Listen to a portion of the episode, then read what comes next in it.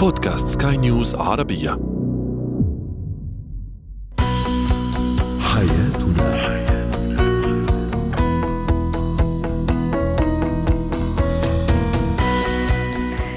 مستمعينا الكرام أهلا بكم معنا إلى حياتنا فضاؤكم اليومي الذي يعنى بشؤون الأسرة وباقي الشؤون الحياتية الأخرى والذي يمكنكم الاستماع إليه عبر منصة Sky News Arabia dot com slash podcast وباقي منصات سكاي نيوز العربية الأخرى.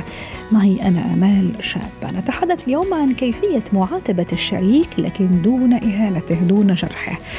أيضا كيف أعرف بأن الرضيع أو ما هي علامات الذكاء التي تظهر على الرضيع؟ وأخيرا ما هي المهارات التي يجب أن نكتسبها عندما انوي الدخول في أو خوض غمار العمل الحر؟ هو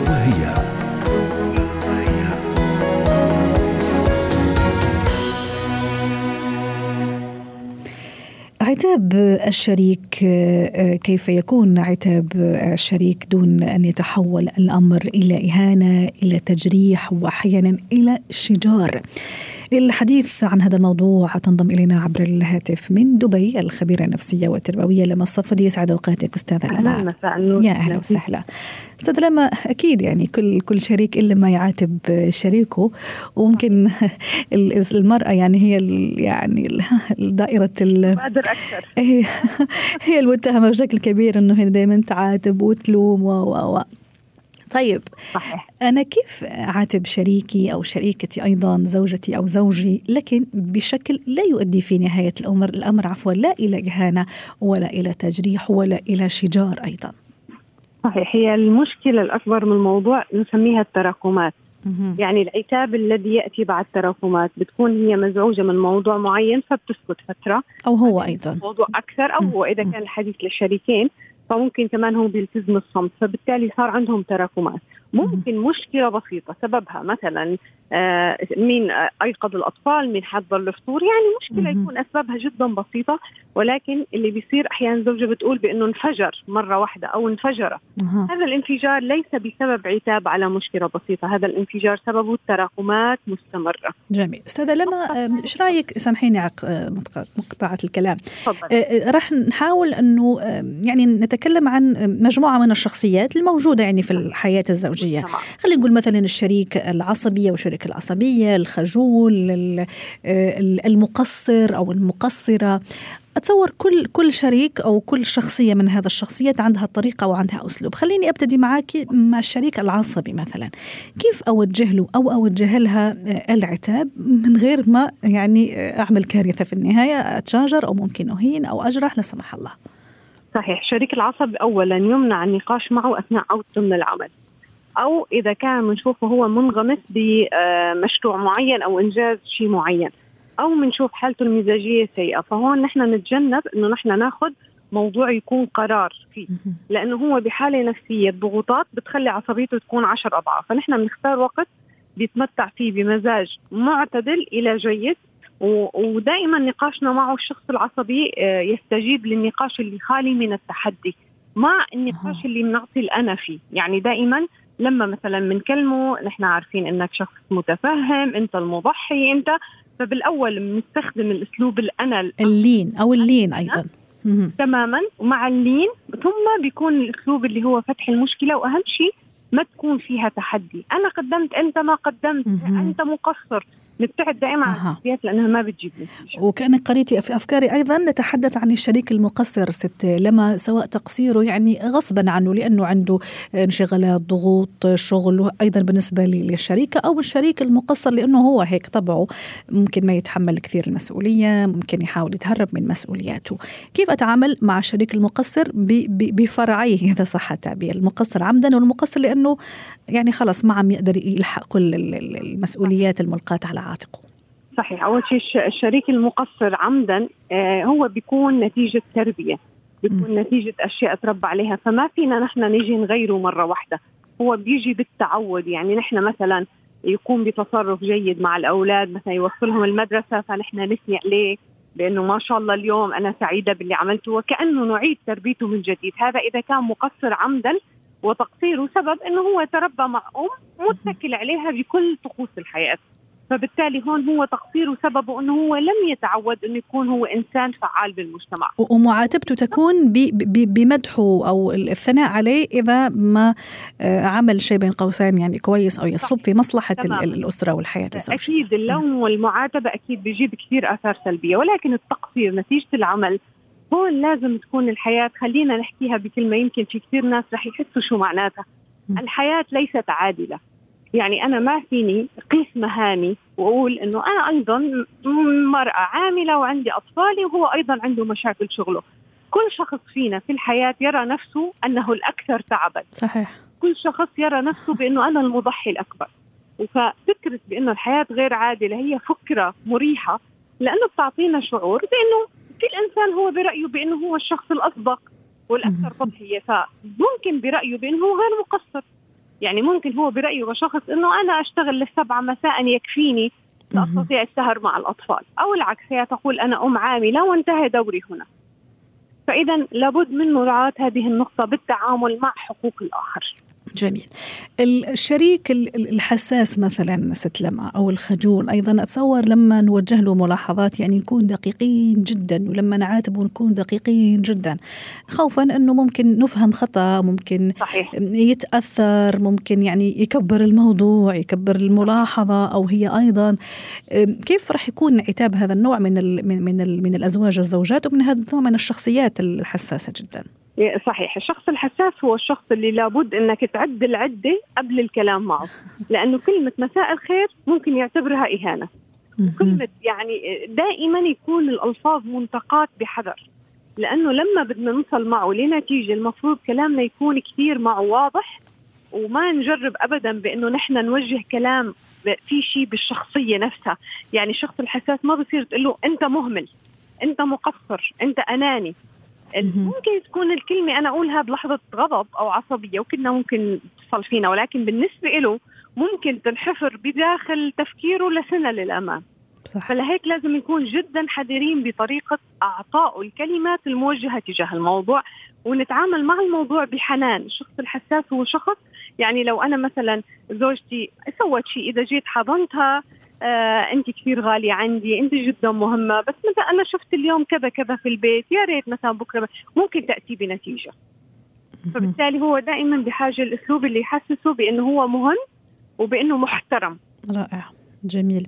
آه، ست لما ما رأيك أيضا في في في آه، البعض مثلا يوجه رسالة العتب أو رسائل العتب مثلا خلينا نقول آه، بمسج مثلا بواتساب مثلا. هل هذه طريقة يعني صحية؟ خليني أقول مثلا تأتي أكلها ولا لا؟ قد تفهم خطأ بين السطور. ممكن أنا ما أعرف أوصل الرسالة ممكن الشريك ما يتلقاها وهو في ظروف يعني يعني تسمح له أنه يقرأها بالشكل اللي أنا حابة أوصل له إياها. ما رأيك في هذا النقطة؟ تنفع حسب طبيعة الشخص، نحن حكينا سابقا بأنه في أشخاص ما بيعبروا عن مشاعرهم بالكلام،. ولكن بالواتساب وبالهي بتشوفيه هو أبدع واعتذر، هذا شخص تعاملي معه باسلوبه بمفتاحه السري، إذا هو يبدع في هذا المكان تتعاملي معه من هاي الزاوية، يعني انت بتعرفي أنا زوجي شخص ما بيعبر بالكلام، ولكن لو أرسلت له كلمة أنا آسفة واتساب ممكن يرسل معلقة. فأنت تعاملي معه من الباب الذي يستطيع أن تصلي فيه إلى حل، في أشخاص يرفضون الواتساب يعتبرونه بارد وبيكون سلاح عندهم، في أشخاص فعلا حتى يوثقوا الكلام. اوه إلى أي مدى؟ أنا من الاستشارات تجيني أحيانا أشخاص بيقول لك أنا وثقت شو كتب لي على الواتساب وأهاني و... ودائما تتذكرها خصوصا الشخصيات الحساسة اللي هي دائما تبحث عن دليل حتى تنجرح. وفي ناس اللي بنسميهم الدراما كوين. اللي بأي موضوع بيحبوا يعملوا دراما بحياتهم. واللي يقرأ بين الحروف وبين الأسطر وبين المد وال احذروا ترسلوا له عتاب على الواتساب. خلي عتابكم على التليفون لأنه الكلام الذي يصل إلى الأذن ينسى. رائع جميل. بالتالي بدون ما يكون على الواتساب. وحتى نوجه رسالتنا بآخر هذا الكلام الجميل من حضرتك ست لما شو ممكن نقول للأشخاص اللي متعاتبين والأشخاص اللي متخاصمين وحابين يصالحوا بعض كزوجين يعني؟ اليوم فرصة هي إشارة. فرصة لكم اليوم بأنه لا تتركوا التراكمات دائما بلحظات الزعل والعتاب تذكروا التاريخ الجميل من الشخص الآخر. نحن مشكلتنا لما بنزعل ننسى المنيح. فالحل حتى تخف غضبكم وهي إحساس الانتقام وإحساس الظلم الداخلي. تذكري إنه هو كان شريك حنون، كان يوم من الأيام وقف جنبي، كان يوم من الأيام شخص منيح، فبالتالي بتشوفي الغضب صار يتناقص وبصير مع آخر اليوم عندك فعلا طاقة صحيح. إنك تروحي وتقولي أنا آسف والاعتذار ابدا مش ضعف بالعكس صحيح هي شيمه من شيم الكبار الاعتذار صح. شكرا لك يا ست لما صفدي الخبيرة النفسية والتربوية ضيفتنا من دبي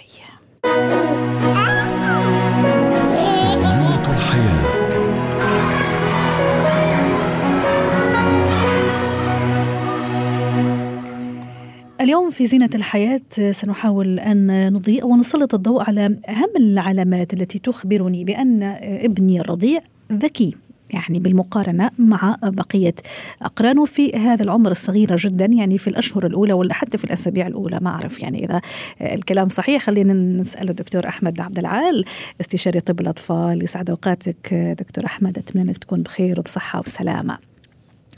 في علامات تظهر على الرضيع في الأسابيع الأولى ولا حتى في الأشهر الأولى أيضا مهارات لغوية حركية قد تشي بأن الطفل هذا أو هذا الرضيع يعني منتبه أكثر يعني شوي زيادة عن اللزوم على بقية أقرانه ما هي أهم هذه العلامات؟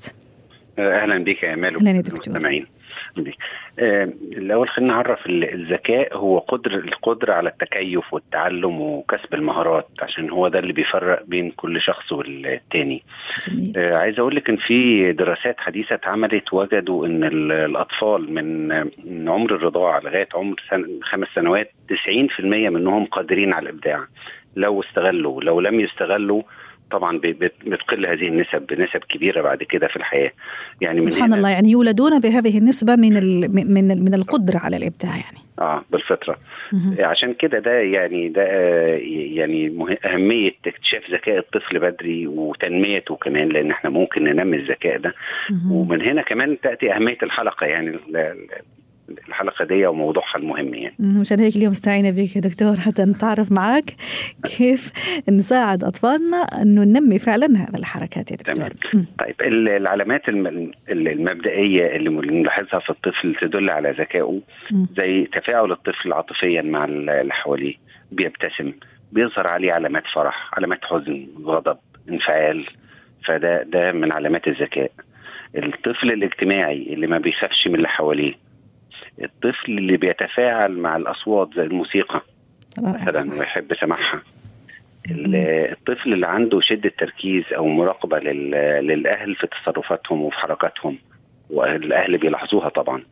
والتقليد أحيانا أيضا دكتور هل يعتبر علامه من علامات الذكاء الخارق؟ أحيانا تشوف طفل ممكن عمره سنة أو أقل شوي أو أكثر شوي يعني أنت بس تعمل حركة معينة فبتلاقيه راح يقلدك يعني. هل هذه علامة من علامات الذكاء؟ يعني أنت خدتيها من على لساني يا أمال كنت لسه دي النقطة اللي هقولها بعد كده على طول. يا فعلا زي ما قلتي التقليد ده من العلامات المهمة جدا.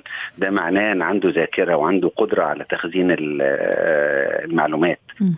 فده من العلامات المهمة جدا. في في الذكاء الطفل خليني أضيف لك لها موضوع الفضول أيضا قبل ما تكمل الفكرة دكتور حماد.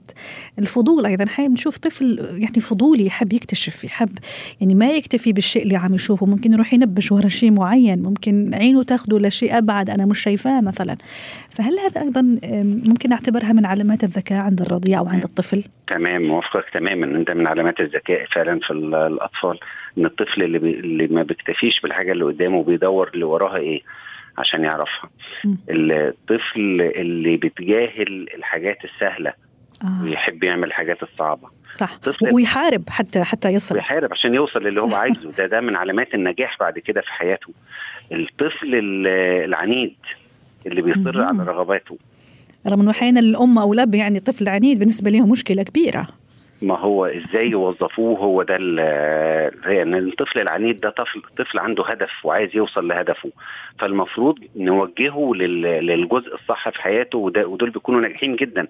إنما لو لو تعاملوا بعنف أو بعصبية من الأهل أو تعامل غير صحي لا بتحوله لشخصيات تانية خالص. رائع. آه مم. كمان ال- الطفل اللي, اللي عنده الجزء الحركي بدري. تيجي. الأم تقول الطفل مشي بدري أو كان بيزحف عند عمر معين بدري أقل من من قرنائه يعني. ده من ضمن علامات الذكاء. الرضيع اللي عنده القدرة على الربط بين الصور وأسمائها. وطبعا هنقول الرضيع اللي هو من عمر الولادة لغاية عمر سنتين. الرضيع اللي عنده القدرة على الربط بين الصور وأسمائها زي الحيوانات زي الطيور زي الخضروات.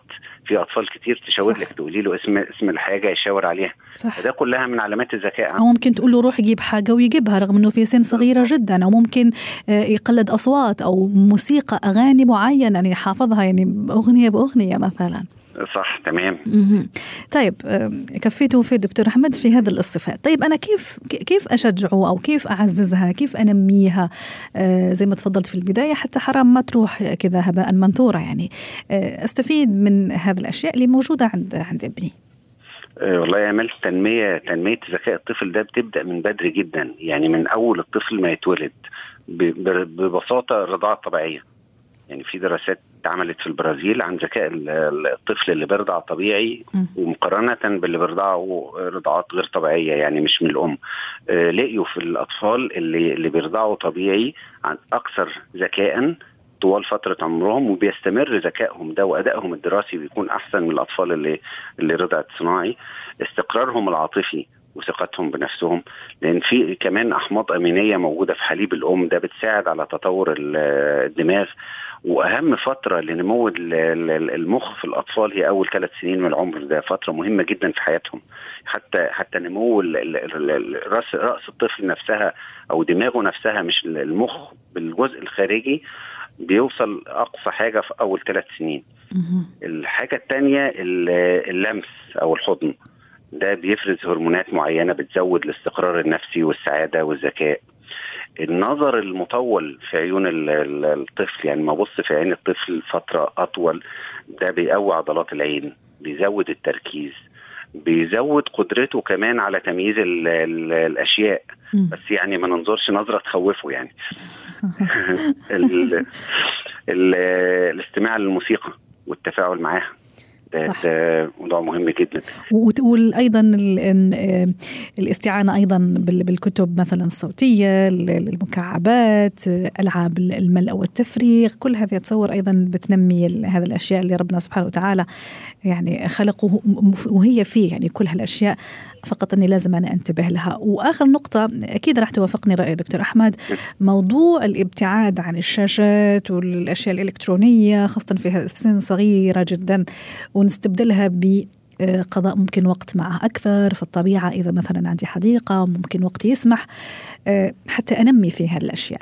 أنا موافقك بنسبة 100% ده يعني ال- ال- التوصيات العالمية الجمعية ال- ال- الأمريكية لطب الأطفال اوصت بعدم يعني الاستعمال أو التلفزيون أو الشاشات الإلكترونية للأطفال أقل من 18 شهر. تمام. نهائيا ها؟ نهائيا والأطفال. حتى ولو دقيقتين ثلاثة خمس دقائق. الحين الأم مثلا مثلا الأم تقول لك أنا خليني معلش شوية ألهيه بخمس دقائق تلفزيون مثلا أو كرتون. نهائيا لا ينصح بها. خليها سماعي مش مش آه. رؤية. لأن الرؤية بتثبط المخ وبتقلل قدرته على التفكير وبتخليه يسرح مع ال- ال- الجزء ده ويلغي تمام يلغي دماغه تماما ويلغي التفكير فيها. يعني الألعاب ال- اليدوية أو اللي فيها استخدام لل مهم. العقل مع اليد ده بتنمي بتنمي أكتر كتير رائع عايز أقول لك كمان من عمر سنة ل... من عمر سنتين ل... لخمس سنين مم. آه المفروض إن الطفل آه ساعتين في اليوم فقط. فقط. آه. ومتقسمين ولا ولا مع بعض ما, ما يهمش؟ لا لا مش مهم. مش مهم. مهم. أنا المهم إن هم ما يزيدوش عن عن كده وبعد كده ثلاث ساعات في اليوم. أوه. إنما اللي حاصل دلوقتي طبعا أوه 24 ساعة يا دكتور. بالضبط. آه، فمعاناه يعني. صحيح. شكرا لك دكتور أحمد عبد العال كفيت وفيت معنا في هذا اللقاء. يعطيك العافية. شكرا لك كنت معنا من أبو ظبي. مهارات حياة.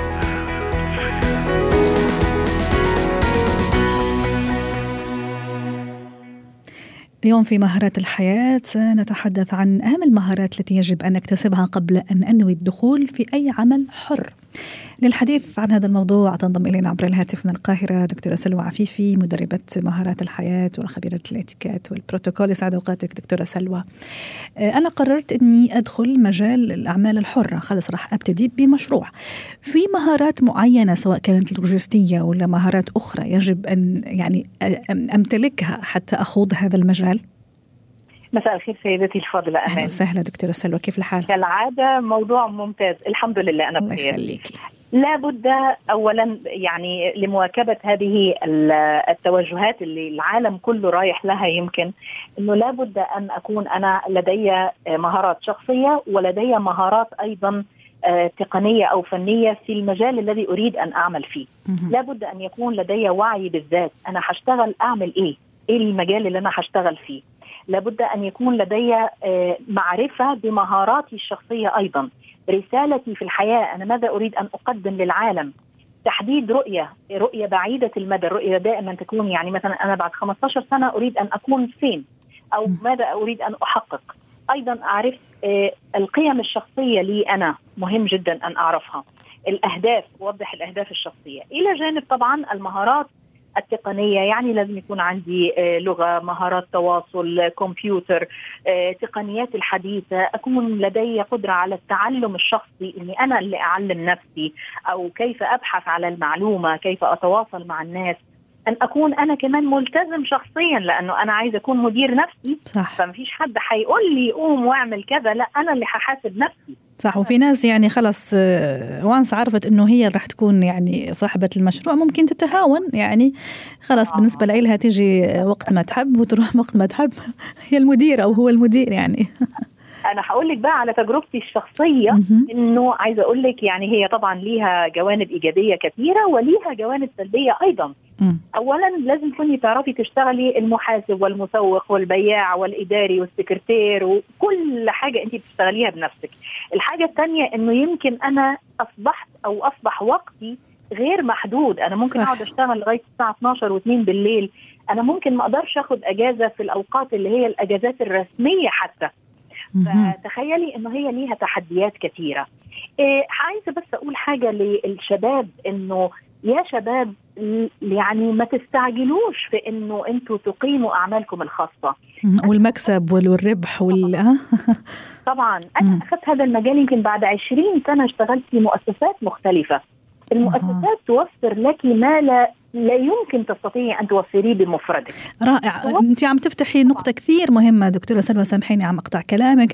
آه، موضوع أيضا إني أكون مطلع ممكن مثلا في هذا المجال اللي أنا حابة أخوض فيه يعني سين من المجالات.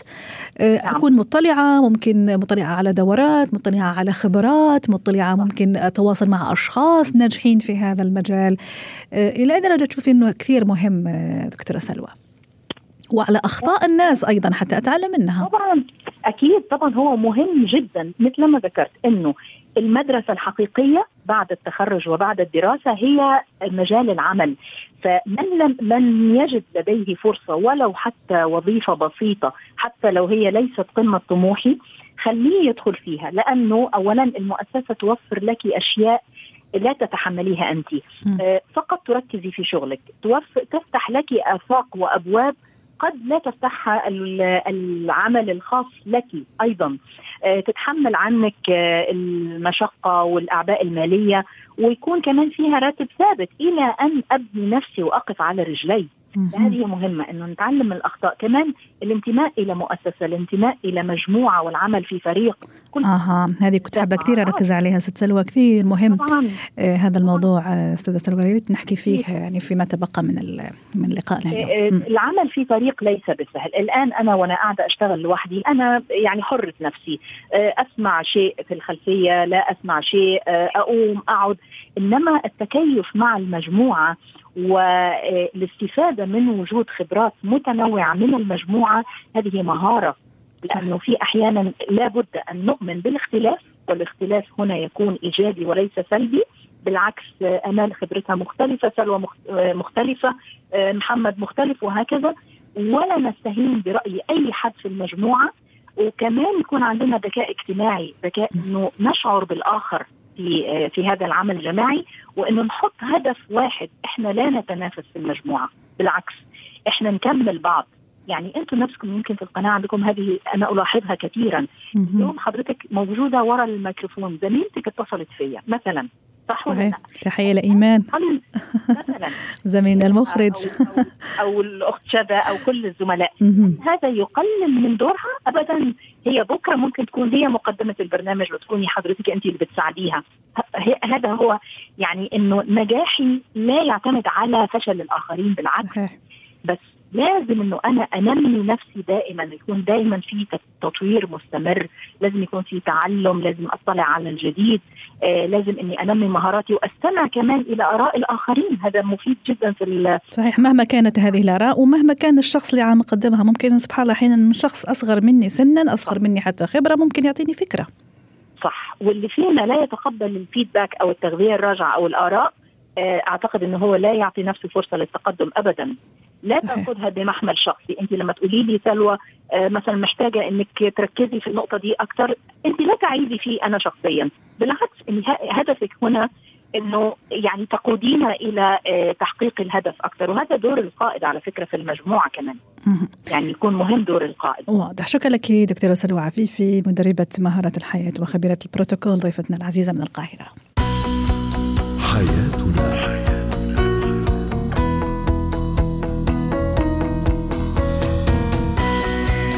ختام حلقة اليوم من حياتنا. شكرا لكم وإلى اللقاء.